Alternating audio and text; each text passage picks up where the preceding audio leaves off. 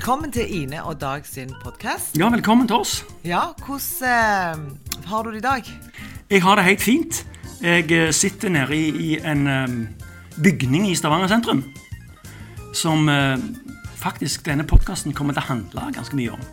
Og når jeg ser meg rundt, så ser jeg lysekroner, jeg ser fine malerier. Eh, det er liksom en litt sånn annerledes atmosfære. Ja, fordi at vi er på Victoria hotell. En eh, ganske sånn eh, Hva skal jeg si går, går det an å si majestetisk bygning midt i Stavanger sentrum? En murbygning som nå er blitt pussa opp for uhorvelig mange eh, penger. Og jeg vil jo si at det er ganske fint. Ja, det er Helt nydelig. Ja. Vi sitter faktisk i den ene hjørnesuiten her, som er bl.a. brukt av kong Rama den femte av Thailand. Han har vært her, og eh, det var for 100 år siden. Men podkasten vår i dag handler egentlig om to litt sånn overlappende ting. Det ene er dette bygget, og det andre er Sven Egil Omdal eh, sin nye bok, eh, 'Byen som formet Norge'. Og, velkommen da, Sven Egil. Tusen takk. Takk for det. Gratulerer med ny bok. Jo, takk. Takk, Det er alltid stas. Mhm. Eh, jeg, jeg må nesten spørre deg eh, Jeg har ikke lest hele boka, men på en måte så ser det ut som en historiebok, men på en annen måte så ser det ut som en hemningsløs kjærlighetserklæring.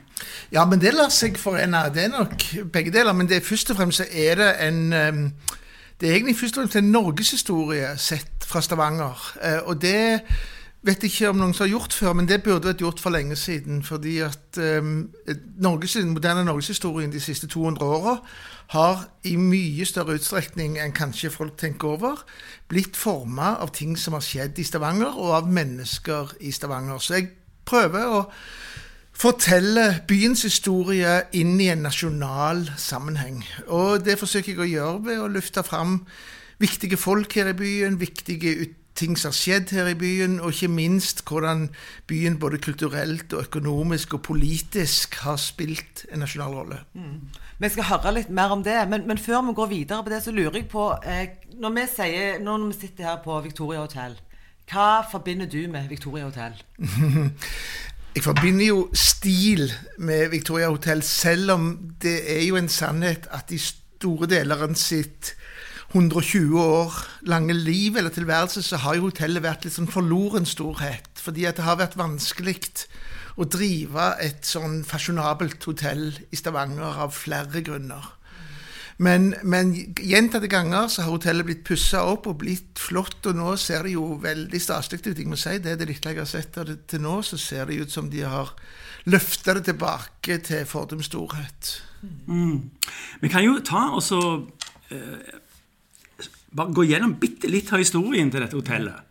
Altså det, hvis vi går tilbake til 1890-tallet, så var det en, en ganske stor optimisme her i byen. Og de tingene som var stort og flott, det var business og turisme. Og da måtte, måtte byen ha et hotell.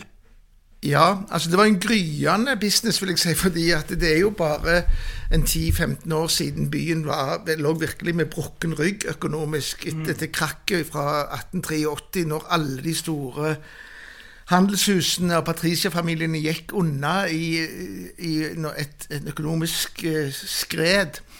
Men på 1890-tallet så var jo hermetikken begynt å vokse fram. Og, og her vi sitter nå, så kunne vi jo sett over på de første hermetikkfabrikkene over på, på Strandkaien og på strandsida. Og samtidig som eh, Stavanger hadde fått turistforening, det var blitt behov både for eh, litt sånn fasjonable turister ha et sted å overnatte, og forretningsfolk som skulle handle med, med hermetikken, som det jo hovedsakelig var. Det var nesten ikke så mye annen eh, industri enn hermetikken. For det var, det var jo tre bergensere som satte i gang dette her.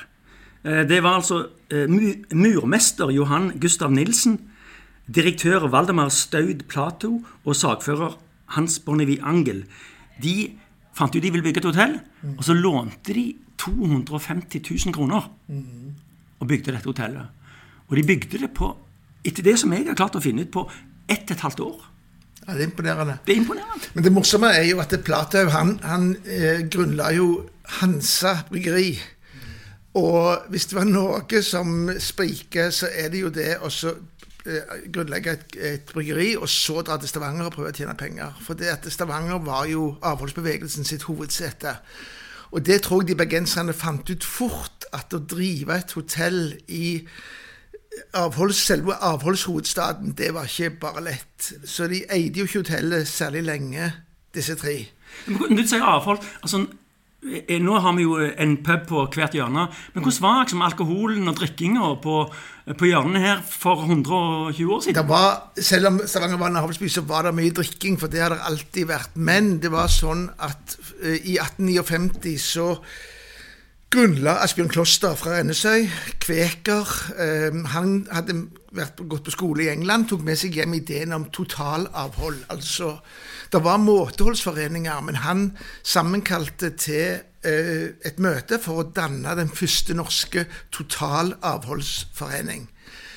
Nå, nå, var det sånn at I Stavanger så ville de gjerne ha et lite unntak for det de kaller for svakt øl, men, men, det ble i hvert fall den foreningen som ble dannet da, i romjula i 1859, den ble kimen til Norges største folkebevegelse.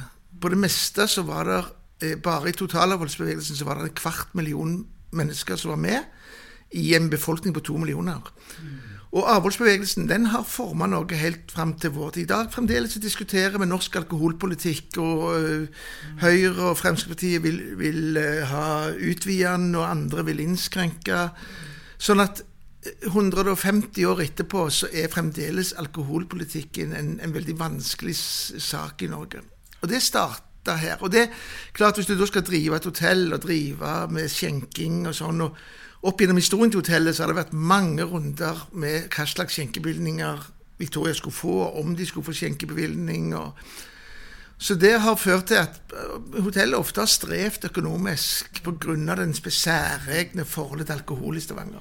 Når du sier dette med, med Norge eh, Vi har jo vært et litt sånn annerledes land etter det som du, eh, den historien. For folk ser jo på Norge, og så veldig ofte så kommer de fram med et eller annet som har med alkohol å gjøre. At det er dyrt, eller at det er vanskelig å få tak i, mm. og at vi drikker for mye, og vi gønner på å bli dritas med en gang. og um, det at det er dyrt og det er vanskelig å få tak i, det vil jeg si langt på vei en arv fra Stavanger. Mm. Om det er noe folk takker oss for, det kan en jo spørre, men, men det er noe sånn. Selv om Stavanger, selv om du snudde helt her på spesielt på 80-tallet, i olja kom, begynte på 70-tallet, men utover på 80-tallet, så fikk Stavanger på et tidspunkt flere Vi hadde flere eh, skjenkesteder i forhold til folketallet enn noen annen by i Norge. Så fra å være Norges mest tørrlagte by, så ble vi da den hvor det var lettest å få tak i alkohol. Eh, så det har vært en enorm forvandling. Men, men, eh, men det er helt sant at eh, i, uh, i nasjonal historie så er det Stavangers innsats som Vi hadde et eget avholdsparti som ved et av valgene fikk nesten hver fjerde stemme. Uh, når resten av landet, når alle byene i resten av landet sa at de ville oppheve brennevinsforbudet etter at vi hadde hatt brennevinsforbud i noen år, så var Stavanger den eneste byen som sa nei. Mm. Så, så, og avholdsbevegelsen, avholdsdagen her i byen var en stor festdag. Kristelig, Kristelig himmelfartsdag var den store avholdsdagen. Og mange mange unger i Stavanger har gått i avholdslosje og avholdt, avlagt avholdsløfte. Og... Men når du sier brennevin altså, eh, Noen steder i Norge så er de jo veldig flinke til å lage brennevin sjøl. Mm. Vet du noe om det? Altså, Hvordan ligger vi an der? Nei, det, Jeg vet ikke mye om det, men jeg, jeg har inntrykk av at det hjemmebrenning har vært veldig lite av i Stavanger. Det har nok vært en del i, i, perioder hvor det ikke var brennevinsomsetning, så var det mye gauking. Altså at folk fikk tak i brennevinimport, enten fra utlandet eller fra Bergen andre steder. Og så ble det solgt ulovlig. Det var det en del av. Men sånn hjemmebrenning som de hadde på, inne på bygdene, hvor de hadde mye tilgang på poteter og andre ting, det var det nok mye mindre av. Mm. På Vestlandet i det hele tatt, men, men, ikke minst i Stavanger. Mm. Ja, jeg tenker På hjemmebrenning og sånn, da tenker jeg på trøndere. Ja, trøndere ja, De snakker og... jo om kjøpesprit. Som ja. Det er altså en egen type sprit det som ingen har. Det er sant, det. Det er sant det. Så Der er det en kulturforskjell mellom Østlandet og Trøndelag, og Vestlandet, og ikke minst Sør-Vestlandet. Jeg må ta noen sånne små fun facts om dette hotellet uh, innimellom liksom alt, uh, all alkoholen her. Og det var at dette hotellet hadde noe helt, uh, helt nytt. De hadde elektrisk lys mm. i alle rom, og så hadde de elektrisk heis. Mm. Og etter det som jeg har funnet, så er den første heisen i byen. Den var her. Ja, det kan godt være, fordi dette var jo det største murbygget i byen. Det ble bygd større enn turnhallen og større enn teateret. Større enn det nye sykehuset som hadde åpna bare tre år tidligere. Altså Kanskje, høyere. kanskje det var pga. at den ene av initiativtakerne var murmester. Ja, men det var jo altså det var mye bergenskapital som forma Stavanger. fordi at det var lite kapital igjen i byen etter krakket. Så både Storhaug og Våland er jo òg langt på vei bygd ut av bergenske byggmestere. Så de kjøpte disse svære områdene der, så delte de det opp i små tomter. Og så solgte de da eh, til Stavanger-folk som gjerne vil ha sitt eget hus. Så det, det kan nok stemme det at, eh, at eh, Victoria var de hadde en helt, eh, Victoria hadde en helt annen standard. Det var jo mange hoteller når Victoria ble bygd. Mange små hoteller og et par store. Men Victoria var jo mye større og mye flottere enn alle. Arkitekten, altså eh, han heter Henry Bücher, eller Booker, jeg er litt usikker på uttalen. Eh, Kjenner du noe til han? Nei, ikke Nei. særlig. Nei. Nei, det gjør jeg ikke. Det var godt at det var noe han òg ikke kunne svare på. For det, det jeg sitter og tenker at eh, Hvis jeg skulle tatt en historieprøve, og så skulle liksom meg og Omdal liksom konkurrere, så hadde det bare vært å Ja, trukket seg stille og rolig tilbake.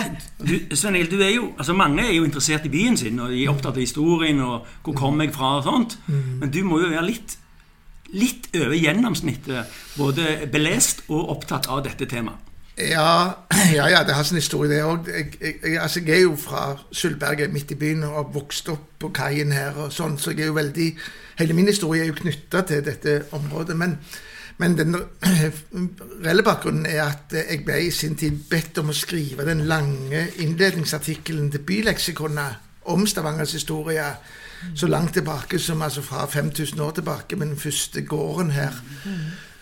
Eh, Og Da måtte jeg lese alt jeg kom over av Stavangers historie. Og Stavanger har en veldig omfattende lokalhistorisk litteratur. Eh, eh, Jeg kan vanskelig tenke meg at det kan være mange andre byer i Norge som har flere bøker om lokalhistorien Stavanger. Mm. Så jeg leste og leste til øya ble stort og vått. Og da fikk jeg jo et, et innblikk i byens historie som siden har blitt en, en sterk interesse for, for det som har foregått her. Tenker du at folk i Stavanger da, sånn generelt vet for lite om historien? Um, det er stor interesse. altså Hvis du går rundt på disse både Stavanger byhistoriske forening, som har mange hundre medlemmer, og de mange eh, historielagene som det er rundt i bydelene, så merker du at det er en enorm interesse for lokalhistorie. Bøkene selger veldig godt. Um, men det er jo Jeg hører jo ofte folk si at det visste jeg ikke, og herlighet, det visste jeg ikke om ting som jeg trodde var ganske godt kjent. Så, og så vokser det jo opp nye generasjoner, og så har det kommet enorm tilflytning av folk mm. som eh, Mange av de har lyst til å vite litt mer om byen som de har slått seg ned i.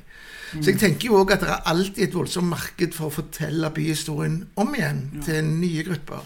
Nå har jo eh, Den nye boken din har jo vært ute en liten stund. og, og du har jo fått eh, Jeg vil si Det som jeg har sett, er jo utrolig bra omtale av den boka. Hvor- Hvordan har du reagert sjøl på, på tilbakemeldingen? Jeg syns jo headingen, eller, eller tittelen, er ganske frisk. Ja, den er jo litt sånn in your face. eh, In your face, ja. Byen som former Norge, og den overraskende historien om alt vi kan takke Stavanger for. Den er, forlaget tenker jo at dette er en bok som også skal selge over hele landet. Eh, for de tenker at her er det veldig mye norsk historie som resten av landet bør vite om. Så tenker jeg at det er mye Stavanger-folk som har slått seg ned andre steder i landet, som kanskje har lyst til å fortelle slekta der hvor de kommer fra. Ja, mottakelsen har vært veldig Jeg er veldig glad for den. Eh, ikke minst når NRK eh, nasjonalt eh, gir han så god omtale som de gjør, og, og sånn, så er jo det selvfølgelig veldig, veldig hyggelig. Um, og um, den er skrevet på en sånn måte at den ikke overforklarer ting for folk i Stavanger, men samtidig så må jeg fortelle resten av landet liksom hva som Ja. skjer i byen. Sånn at eh, selv om alle her vet hva sardiner er, så må jeg liksom fortelle hvordan hermetikkindustrien ble bygd opp, og hvordan den fungerte. Men vil jeg, jeg vil jo tro at mange, la meg si, eh, som bor på Østlandet f.eks., når de så den tittelen, så tenker de å herregud, nok en sånn oljeunge som skal skrive om hvor viktig olje har vært for Stavanger.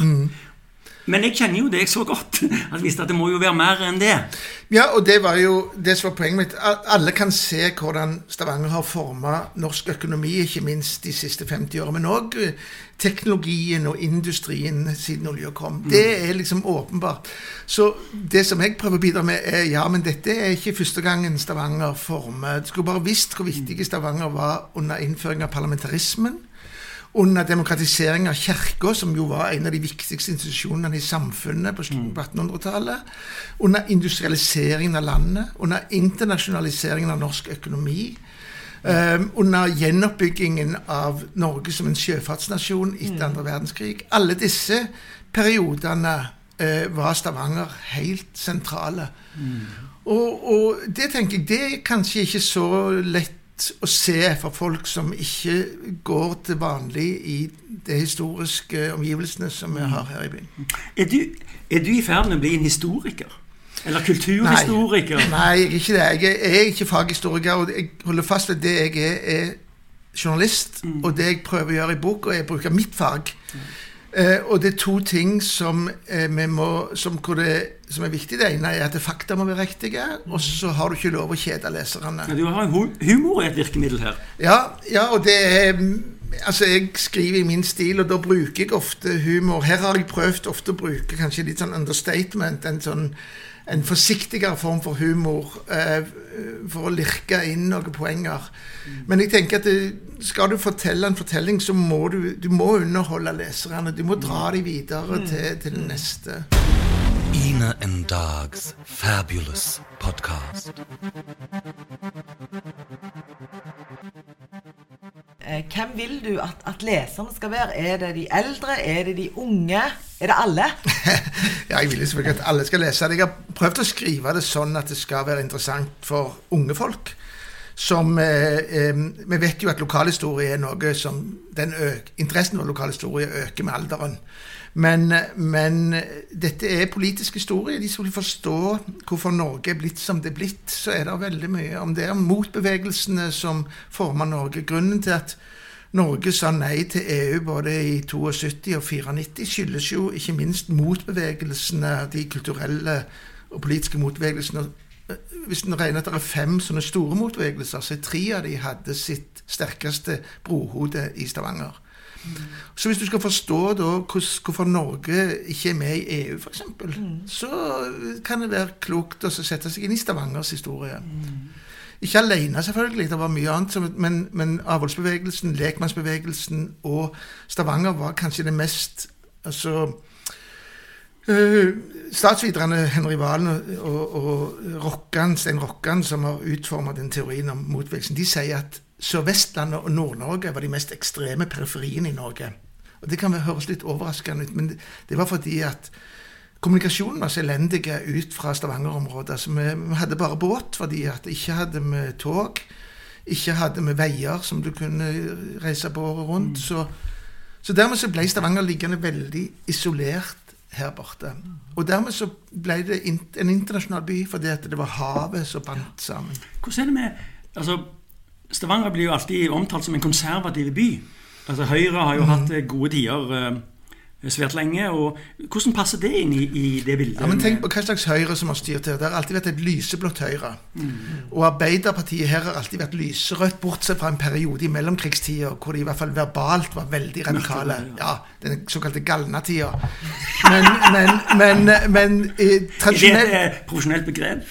Ja, ja eller profesjonelt. Det, det, er brukt i flere bøker om, om denne revolusjonære perioden i Stavanger, som skyldtes at det, nøden var mye større her enn andre steder steder så hadde du en del sterke ledere i arbeiderbevegelsen. Mm. Men de var samtidig kristne, og det er viktig. At når arbeiderbevegelsen vokste fram, når Stavanger ble industrialiserte og mer enn noen andre byer, så vokste arbeiderbevegelsen fram rundt omtrent samtidig med at dette hotellet ble bygd. Da var allerede bedehusfolket og altså Oftedølene, Lars Oftedal sine tilhengere, de haugianerne sine arvinger, de var sterke i byen. Sånn at arbeiderbevegelsen vokste fram i en kultur hvor det allerede var etablert andre sterke kulturer, og ble derfor prega av det.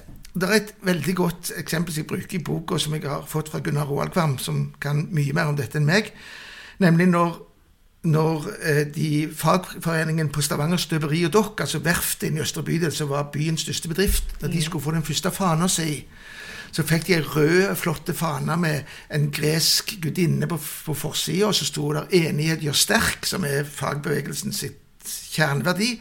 På baksida så sto der 'I Jesu navn skal all vår gjerning skje'. Og det kan virke veldig overraskende for mange folk at, at Jesus spilte en sånn sentral rolle i Klassekampen. Men det var et Stavanger-fenomen. Og derfor så var det sånn at når Arbeiderpartiet på 20-tallet ble veldig religionskritisk og religionsfiendtlig eh, eh, drevet av folk i Oslo eller Kristiania og Trøndelag, så ble, slo de aldri gjennom i Stavanger av den grunn. Så når, når, når, Arbeiderpartiet ble Norges største parti ved valget i 1927, da mangla de fremdeles lokallag i 55 norske kommuner. 22 av de lå i Rogaland.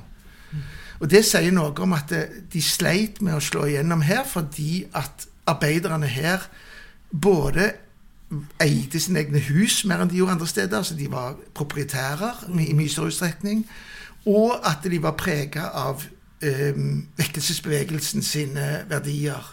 Så de var egalitære, men ikke revolusjonære. Så, så Rogaland var på en måte sånn et, et mørkt, svart hull i arbeiderbevegelsen? Ja, ja, du kan godt 22 kommuner i Rogaland. det er jo 22 av de 55 lå i Rogaland. Nesten alle kommunene i Rogaland var uten Arbeiderpartilag i 27. Når, land, når partiet ble landets største, som det har vært hele veien siden. Rart. Ja, det er ikke så rart. Det, da tenker jeg Nei, det er rart helt til du leser da historien og ser hvorfor var det sånn. Jo, det er gode grunner til at det var sånn. Mm. Uh, og de grunnene har vært Men samtidig, av at folk her At klasseskillene var mye mindre her, så ble, fikk vi heller ikke et så blått Høyre. Mm.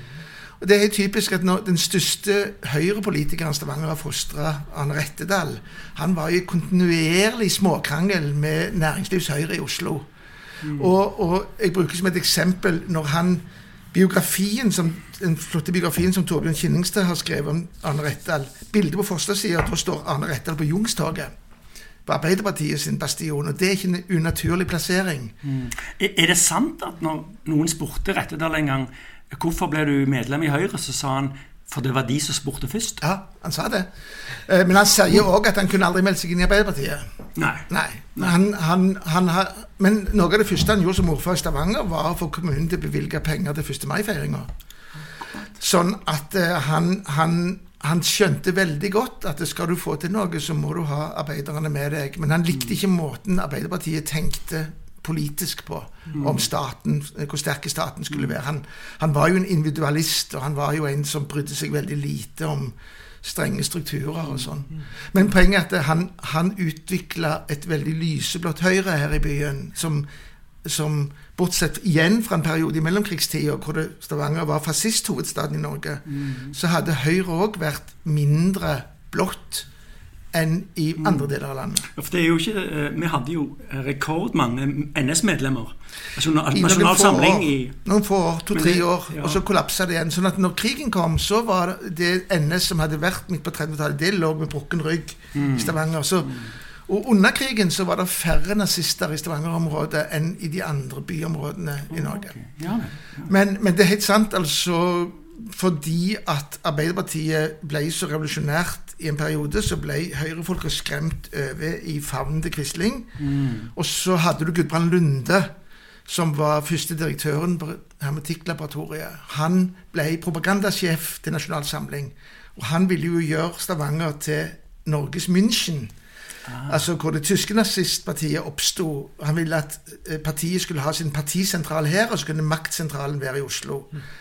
Så han prøv, Derfor så hadde Nasjonal Samling hadde jo riksmøtet sitt her i 1935 og marsjerte de til Ullandhaug og var i Hafrsfjord og hylla den gamle norrøne norske historien. Gikk i domkirka marsjerte inn i domkirka. Vi er helt dårlige, jeg. ja, men to-tre år seinere så ble partiet oppløst. Ja. Så, så, det skjedde veldig fort. I, I, dag så er vi jo uh, opptatt av disse forskjellene i samfunnet vårt, både i Stavanger og ellers i Norge. Eh, noen sier de øker, og, og folk har forklaringer, vekslende forklaringer på hvorfor de øker. Men det som kommer fram i din bok, det er at byen har vært hovedstad for mange av de motbevegelsene som skapte et samfunn med små forskjeller. Det må du, Kan du forklare det? For jeg, jeg, Ja, altså det er fordi at det, Se på Bergen. De, de som har dominert Bergen, har vært innflyttere fra Tyskland og fra kontinentet. I Oslo mye folk som har kommet utenfra.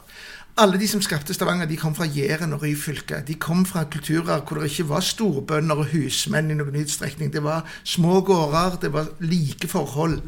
Når de flytta til byen, så tok de med seg disse idealene om at det skulle ikke være for store forskjeller, og folk skulle eie sine egne hus. Når folk eier sin egen bolig, så blir de mindre radikale enn eh, men samtidig så får de òg verdier og eiendom som de forvalter. Så har Stavanger hatt en boligpolitikk, både bevisst og ubevisst, som har ført til at vi har ikke den klare øst-vest-delinga. Vi snakker jo ofte om Eiganes kontra Storhaug, men tenk på eh, Bergsen-familien har holdt det inne i Ramsvik. I hele Paradisstrekket, alle disse her eh, Grosera-boligene og Sveitser-boligene der. Mange av de rikeste folka i byen de bodde i Østre bydel. Storhaug har en enormt interessant demografisk struktur, hvor det er fra de rikeste til de fattigste i byen, har Storhaug som sin bydel. Dette har òg prega byen. Altså, Jeg kom fra Sølvberget, hvor folk stort sett var veldig fattige, og gikk på skole med folk, altså Bergesen sine barn, eh, og folk fra handelsstanden som bodde på Storhaug. Så du fikk denne miksen som du ikke hadde i samme utstrekning i Bergen og i Trondheim og i Oslo. Og dermed så påvirker det da byen at de idealene er sterke ennå, mener jeg, selv om folk har begynt å brese seg mye med penger i Stavanger de siste 20-30 åra, så er det ennå litt sånn at du skal helst ikke vise for tydelig at du har mye penger. Og det tenker jeg det er en god verdi. Ja. Men, men jeg syns ikke liksom, Hvis du går i byen en lørdag, i Stavanger by, så syns jo jeg, da, men det er jo meg, så, så klarer jo jeg veldig lett å se forskjell på folk. Er det bare meg, det, da? Nei, det, er forskjell på folk. og det, Hvis du kan se på levekårsundersøkelsen, så ser Ja. du at det er tydelige forskjeller på, på Storhaug og på Våland og på Stokka. Det er klart det er det. Men eh, hvis du går på store, går gjennom Store, som jeg går ofte, for jeg syns Store er den mest flotteste bydelen vi har i Stavanger, så ser du at disse husene blir vedlikeholdt, ivaretatt. Det er noen få hus her og der som eh, står til nedfalls, men de fleste blir tatt vare på. Der er kapital, der er folk som vil investere i, i, by, i bydelen og i husene. Så det selvfølgelig har Stavanger med 130 000 innbyggere en, mange fattige, og vi har mange barn. Og vi har akkurat det samme som resten av landet, at eh, spesielt barn av folk med minoritetsbakgrunn er fattigere enn ellers. Og det er jo en strukturelt problem som vi har i hele landet. Eh, så det må vi jo ta fatt i. Men, men generelt kan du si at eh, Stavanger, til tross for denne voldsomme rikdom de siste 30-40 åra, har preg av å være en relativt egalitær by. Men du sa det at du, du pleide å gå eller, mye opp på Storhaug, for du bor gjerne der oppe nå. Nei, nei, jeg bor på Stokka, faktisk. På Men Stokka? Jeg, jeg går ofte kveldsturer på Storhaug. Ja. Men jeg vet ikke om du da, siden du kjenner så godt Stavanger-historien, husker Storhaug magasin? Jo, på hjørnet av begynnelsen av Gjelsagata Ja. ja. ja. Og det var mine besteforeldre oh. som drev det. Så det huset da som eh, hører til det, Mm. det er jo barndomshjemmet til min mor, som hun fortsatt eier og har på en måte restaurert. Så det ser jo helt likt ut, sånn som det gjorde den gangen når hun var lita jente og sto i butikken med, Mm. med faren på, på Store magasin. Ja. Det er fantastisk. Ja. Og Gjelsagata er jo et, et fantastisk gate å gå langs Gjelsagata og se på Nå er det jo Alle de butikkene som var der når jeg var barn, er jo Nå er det vel en, en Kiwi Joker. Eller, Joker, ja. Ja. Uh, men altså små butikkene som lå borte, snopebutikker og bakerier, så de er jo vekke. Og det er jo et tap, syns jeg. Fordi at byen, bydelen blir mye mindre levende når det bare er bolighus. Men, men den er full av historie fra krigen, fra Storhaug, når den skolen ble brant, og, og arkitektonisk med disse her eh, Arne Vaa-husene oppe mm. jugendhusene. Så jeg tenker alle folk som ikke har vært på Storhaug, burde ta seg noen runder rundt på Storhaug og bli overraska hvor mye Storhaug har å by på. Litt tilbake til dette med forskjeller. Eh, altså eh, Arbeidsplasser er jo veldig viktig. Og, jeg har en slags følelse av at Stavanger har hatt veldig sånn Vi har ofte satsa på én hest i lange perioder. Altså Enten så er det vi bygger skip på eh, Rosenberg, vi, vi holder på med brisling eller, eller sardiner, eller så holder vi på med olje og gass. Eh, har det noen betydning for, for dette med si, forskjeller, uh, store og små forskjeller? Det er i hvert fall den store betydningen at vi får en veldig syklisk økonomi. At vi får veldige bølgetopper og dype daler. Mm. Fordi når alle skal satse på det samme samtidig, så er, er vi jo enormt utsatte. Og det kan du se historisk at når, når, Stavanger ikke klarte omstillingen fra seil til damp tidlig nok, så fikk du en kjempekrise. Mm.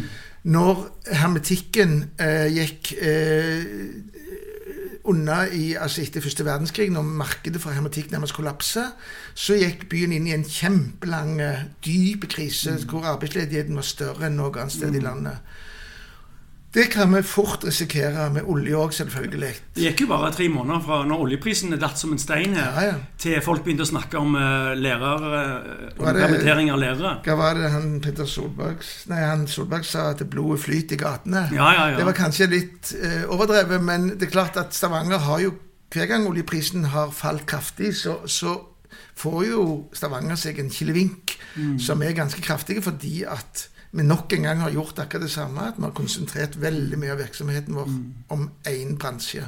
Mm. Så hvis det er noe viktig å lære av historien, så er det jo at vi må differensiere mye mer. Vi, vi må ha mye flere bein å stå på. Kanskje vi må ha et sånt Stavangers oljefond? Vi tåler en liten knekk? Ja, vi burde, men vi burde, det beste hadde vært å slippe å ha fond, men ha, ha variert næringsliv. Ja. Uh, variert uh, produksjon. Mm. Det, vi skulle hatt mye flere bedrifter, sånn som Lærdal f.eks., mm. som driver med noe helt annet, og som er verdensledende på sitt mm. felt, som ja, ja. ikke er konjunkturavhengig på den samme måten. Uh, så vi har, mist, vi har jo mista veldig mye av den andre industrien vi hadde fordi at globaliseringa har ødelagt markedet for maskinhuset og og mm. disse svære bedriftene som lagde andre ting, forbruksting, som jeg hadde. Mm. Jeg, jeg, tenker at denne boken som du har skrevet, den er sånn som egentlig alle bør få, få med seg. Og ikke minst de unge. For jeg, jeg, tror at hvis vi hadde gått ut på gata og spurt liksom folk ja, hva forbinder du med Stavanger, så tror jeg mange hadde sagt dette er min, min hypotese. Oilers, mm. Viking fotball, mm. Viking håndball, som vi har elitelag nå. Eh, men, og det, alle de tingene er kjempebra. Men det er jo mye, mye mer.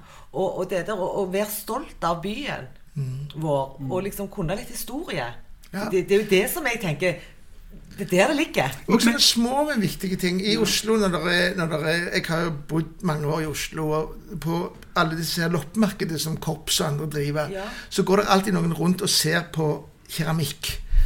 Og de leide etter spesielle ting. De leide til Stavanger Flint sine berømte serier, ofte tegna av Inger Våge, som forma norske hjem i, i tiår etter tiår. Én designer, etter hvert flere designere, men hun var den ledende. Stavanger Flint satte sitt preg på norske hjem alle vi i min alder har lekt med tomtebilene. Eh, du har sikkert hatt andedokke. Iallfall har de fleste jenter, eh, voksne damer i Norge, hatt ei andedokke produsert av Lærdal. Så vi har hatt andre ting. Og, eh, altså Svithun sykler og Svithun barnevogner fra maskinhuset. Ja, selv, om, selv om de teknisk sett ble produsert rett utenfor bygrensen, så, så var det jo en del av Stavanger-området. Dette er sånne ting tenker jeg at vi må gjøre mye mer av det på moderne vis. Ikke begynne å lage barnevogner igjen nødvendigvis, men vi må utvikle eh, industrier, næringsliv, produksjon. Vi kan ikke bare drive med eiendomsforvaltning og olje. Det er, det er for, for, de tingene henger sammen. Når oljemarkedet tryner, så tryner også ofte eiendomsmarkedet. Som du ser nå. Jeg husker at jeg, eh, når jeg var liten, så dro vi til Hillevåg og, og fikk tak i kritt. Mm. Akkurat. For kritt kunne du bruke det tegne på gata. Ja. Og lage spill på gata. Ja. Det, det, var, det, var, store greier. Ja. Svære klumper med kritt. Ja. Tegnte vi opp. Og... Ja da. Og Stavangerflint er jo de, de, var jo De lagde jo eh, holdbare ting, ikke sant? sånn at folk Det, det er mye å samle på ennå av Stavangerflint sine produkter. Du, litt sånn um, I um, Wikipedia så står det at du har fått gullpennen av Riksmålsforbundet. Mm. Og når jeg hører, bare jeg hører begrepet Riksmålsforbundet, mm. så tenker jeg på noe litt sånn konservativt. Nus ned det. Altså at det, at det, er litt sånn uh, ja. fint. Uh, har du prøvd deg på nynorsk noen gang? Nei, og det er litt sorg. Uh, litt sorg fordi at jeg tenker at det er en svakhet. Dialekta di? Ja, ja, ja. Jeg vet det. Dialekt og og vår. Vår, ja. Ja da. Og jeg, eh, men det er sånn at jeg, jeg har alltid det, det viktigste for meg er jo å beherske det språket jeg bruker. Og jeg eh, har aldri blitt god nok i å altså skrive nynorsk til at jeg har våget å bruke det som arbeidsspråk. Og dermed har jeg heller ikke fått utvikle og pleie det. Så jeg beundrer jo Tore Renberg, for eksempel, som bare skifter og plutselig skriver fantastiske bøker på nynorsk. Eh, det vil ville nok jeg klart å skrive på nynorsk hvis jeg hadde begynt tidlig nok. Ja. Men, men um, Og jeg syns det er kjempefint at folk her i byen òg Mm. bruker nynorsk. Vi har jo han eh, Geir Sverre Braut, tidligere mm. fylkeslegen. Han så leste jeg i avisa, nettopp fikk pris. Eh, fordi at måten han har bevart eh, nynorskspråket på. En pengepris på 100 000. 20 kandidater. For han skriver alle bøker på nynorsk. Ja. Og meg og han skrev en gang en artikkel sammen. Eh, og da skrev jo jeg på bokmål. Men det han gjorde da, var oversatte hele artikkelen til nynorsk. Så da Kan du jeg, gjøre det i Google jeg Translate? har, jeg har publisert på nynorsk. Det er veldig bra. Ja, ja, Det er mer enn jeg har. Men du, den tittelen altså, Han er så deilig frekk, byen som formet Norge. Har du fått noen negative reaksjoner? Har folk sagt ja, nå har du tatt litt for mye tran her? Eh, ja, nei, litt grann på Facebook og sånn, men det har jo vært bergensere og sånne som Hva sier de på Sandnes? Har, har du hørt noe der? Nei, men jeg tror ikke de Altså, jeg har halve slekta mi fra Sandnes. Faren min vokste opp på Sandnes. Og jeg, når jeg var hos tantene mine, så sa de når de skulle til byen Ja. så skulle de jo ikke til Sandnes sentrum, de skulle jo til Stavanger. De visste det. At det er jo den der, den der veldige selvbevisstheten som Sandnes har utvikla, som er forståelig når de er blitt en så svær by, den er, skyldes jo enorm innflytting av folk som jo kom til Stavanger-området, og så var det billigere og lettere å få bolig i Sandnes pga. at de hadde mye større plass. Så det er jo ikke Altså Sandnes sin, eh, sin patriotisme, Sandnes-patriotismen har jo alltid vært kobla med en erkjennelse av at det er Stavanger som er byen. Eh, og det mm, Jeg syns den der kivinga mellom Stavanger og Sandnes er veldig ødeleggende. Fordi at jeg tror det vi nettopp snakket om, å utvikle ting, sterke ting her borte, lider av at uh, disse to byene driver og konkurrerer med hverandre. Ja, jeg tror vi skulle hatt en egen podkast som heter 'Kommunesammenslåing Stavanger-Sandnes'. For der der, er veldig mye å si om akkurat det. Eh, men Når kom du på den? altså, Jeg ser for meg at du begynner med denne boka. Altså, på et eller annet tidspunkt i en prosess så dukker jo tittelen opp. Ja. Når fant du ut at dette var en bra tittel på dette eh, stoffet? I, eh, vi, går, vi bor rett ved Stokkavatnet. Vi går der flere ganger i uka. Og det er det mest kreative stedet jeg vet om. For når endorfinene slår inn liksom, på andre sida av vannet, da tar vi alle de store avgjørelsene i familien. Da er du borte med roklubben omtrent. Nei, borte med, ja, omtrent med roklubben, ja. Ja, ja, ja. Borti der, da, da har vi gått halvveis og vel så det. Nei, og det var da han kom, tittelen. Men jeg må jo si at ideen til denne boka er ikke min. Den kommer fra Kagge forlag, og den skyldes noe som jeg ikke visste om. Ja. Nemlig at Nationaltheatret spiller annethvert år et stykke som heter juleselskap, et juleselskap. Det handler om en Stavanger-familie som har juleselskap over 100 år. Så folk kommer og går og dør og sånn. Alle skuespillerne snakker stavangersk. Og det er Stavangers historie inn i norgeshistorien. Og sjefredaktør Tuva Ørbekk Sørheim i Kagge Forlag hun hadde gjort en familietradisjon å gå og se dette stykket. Og blitt overgitt over hvor enormt mye Stavanger-historie hun ikke visste om, og hvor viktig Stavanger hadde vært. Så hun tok kontakt med meg for en god del år siden og spurte kan ikke du lage ei bok om Stavangers historie for hele Norge. Ja.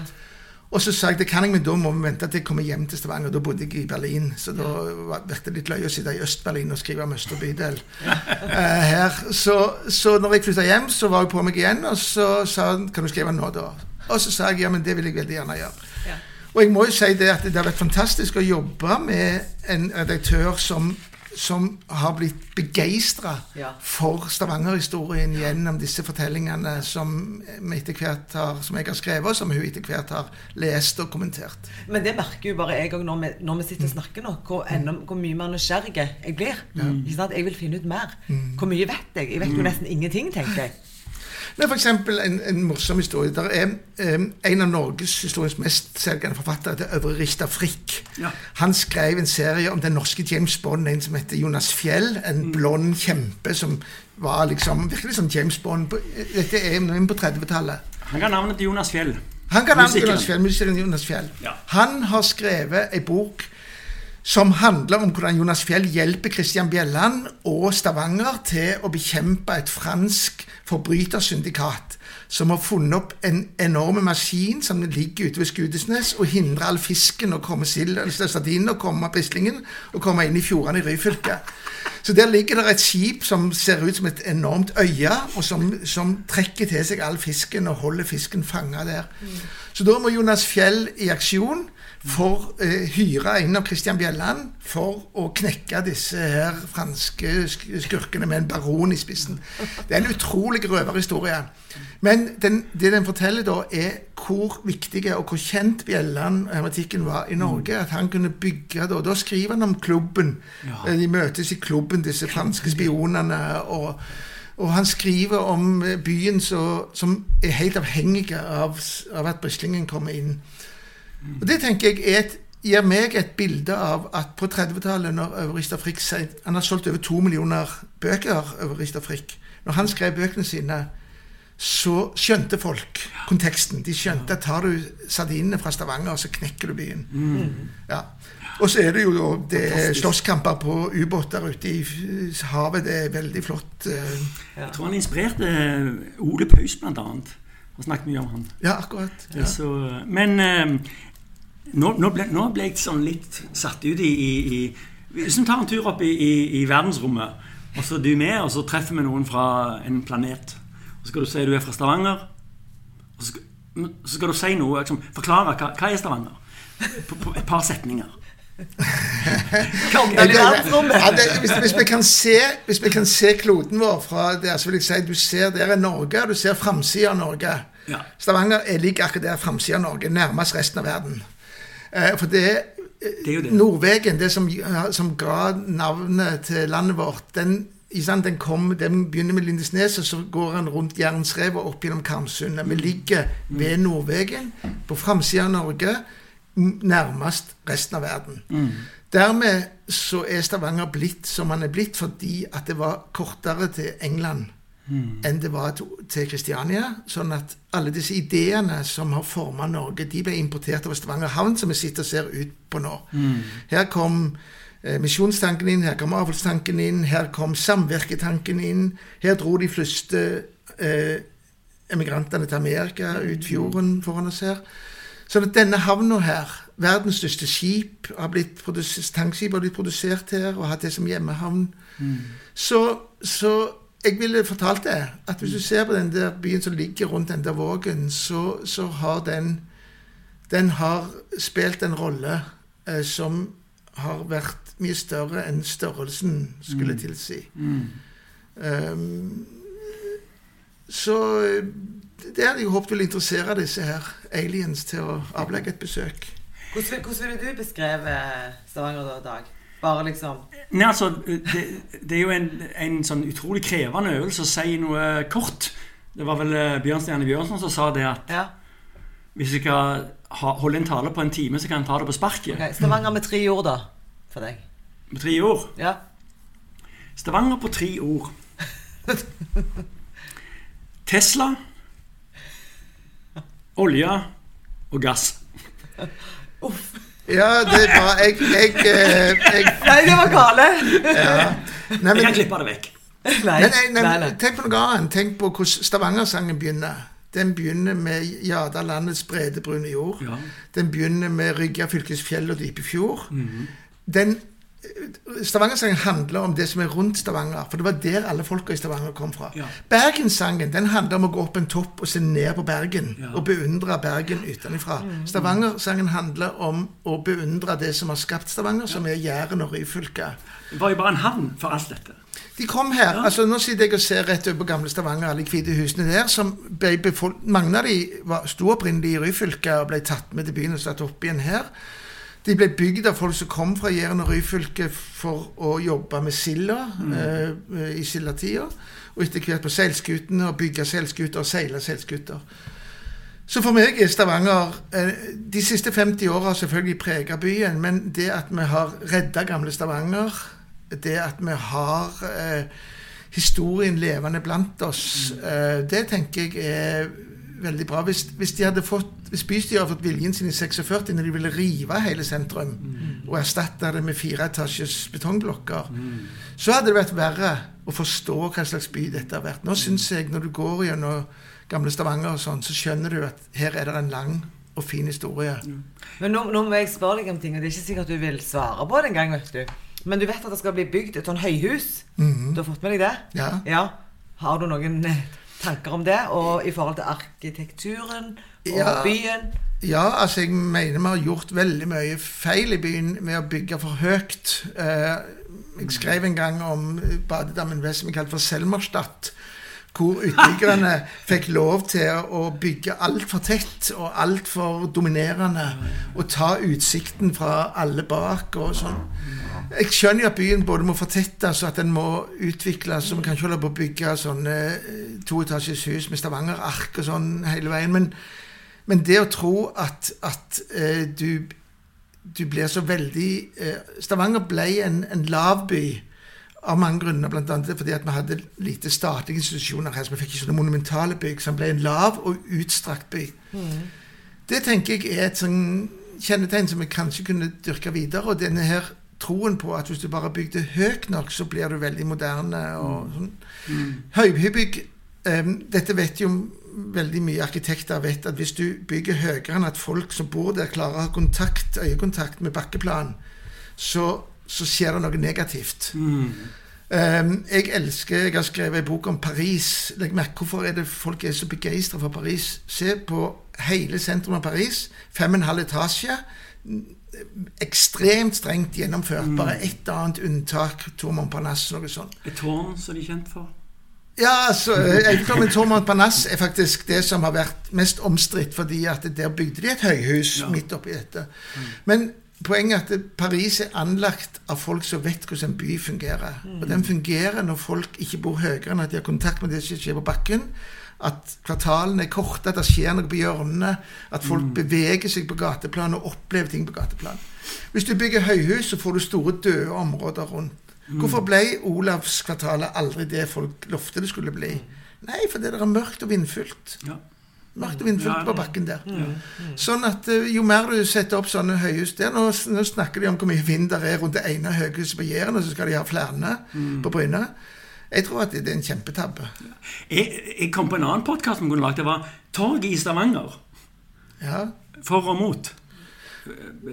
Det ja, det er sikkert det mye å si Da stikker du foten langt inn i eh, og så har jeg jo bilder av torget sånn som det var. Ja. Når den fontenen som i dag står utenfor eh, Rosenkildehuset, sto midt på torget, og, og, og torget var lukka, eh, så, så vinden fikk ikke så mye tak. Og, og det var trangt, selvfølgelig, men det var jo en- ekstremt hyggelig. Nå, nå vil jo ikke folk gå på torget og kjøpe grønnsaker, Nei. så du kan ikke tenke at torget skulle være i dag sånn som det var på 60-tallet. Nei. nei. Men, men jeg tror jo at det tusenårsstedet var ikke noe veldig vellykka prosjekt. Jeg, det, det vinnerforslaget som vi nå lever med, som kom på 370 millioner, mm. heter Piazza Sidissi. Og det, da er det noen som har reist på én studietur for mye, syns jeg, altså, på, eh, for å lære byutvikling.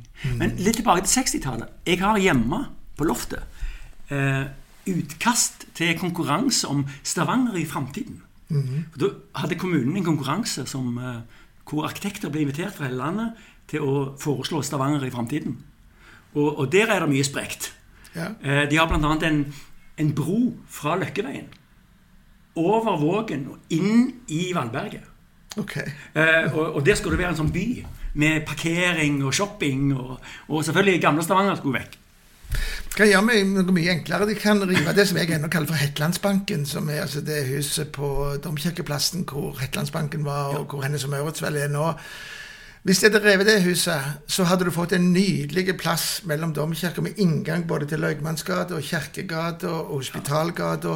Det hadde vært lunt. Fantastisk størrelse òg. ja. Ja. Der kunne du hatt uteservering, der kunne du hatt eh, Ja. lite, sånn som det er nå, litt handel. Nå står det noen eh, grønnsakhandlere og selger der. Det var plass til jo. Ja, så det, Hvis vi kunne fått til det å åpne middelaldersentrumet ut mot Domkirkeplassen på en helt annen måte Det hadde vært nok til å skapt et sånt byrom som Vi har, vi har Arnageren, men vi har litt for lite sånne Ja. Det blåser mye her, og vi trenger lune byrom. Og Arnageren er det jo aldri noen som har planlagt. Det har bare blitt sånn. Ja, og den er blitt bedre og bedre. og den, bedre er jo, den er jo et hjerte i byen i dag. Men, men vi, vi kan altså utvikle byrom som blir sånn som det, og bevisst å si at nå lager vi et byrom. Men folk, vi har utvikla Vågen som en enormt sånn utested og treffsted og sånn, og, fordi at vi har mye gass vi kan varme opp, så folk kan sitte ute og sånn. men det kan godt være det forsvinner. Paris forbyr jo nå oppvarming av uterom fordi at det er av miljøhensyn og sånn. Ja. Men det å gå inn i gatene og skape liv i resten av sentrum, som ligger veldig dødt om, om kveldene og sånne ting, eller la tillate mer aktivitet i bydelene. Nå er det kommet litt, det har kommet kafé oppe i Hermetikklaboratoriet, altså, som er blitt et fint område. Men det at alle må samles for å spise og drikke, så må du samles rundt Vågen. Det er ikke noe kvalitetstegn ved byen. Du, um, hva heter uh, hva heter den neste boka di? For da, jeg, jeg har sett litt på, på si, uh, altså, Du har jo én bok i året nå de siste fire-fem åra. Ja, Ja. jo, det har blitt det. Det har blitt mye. Ja.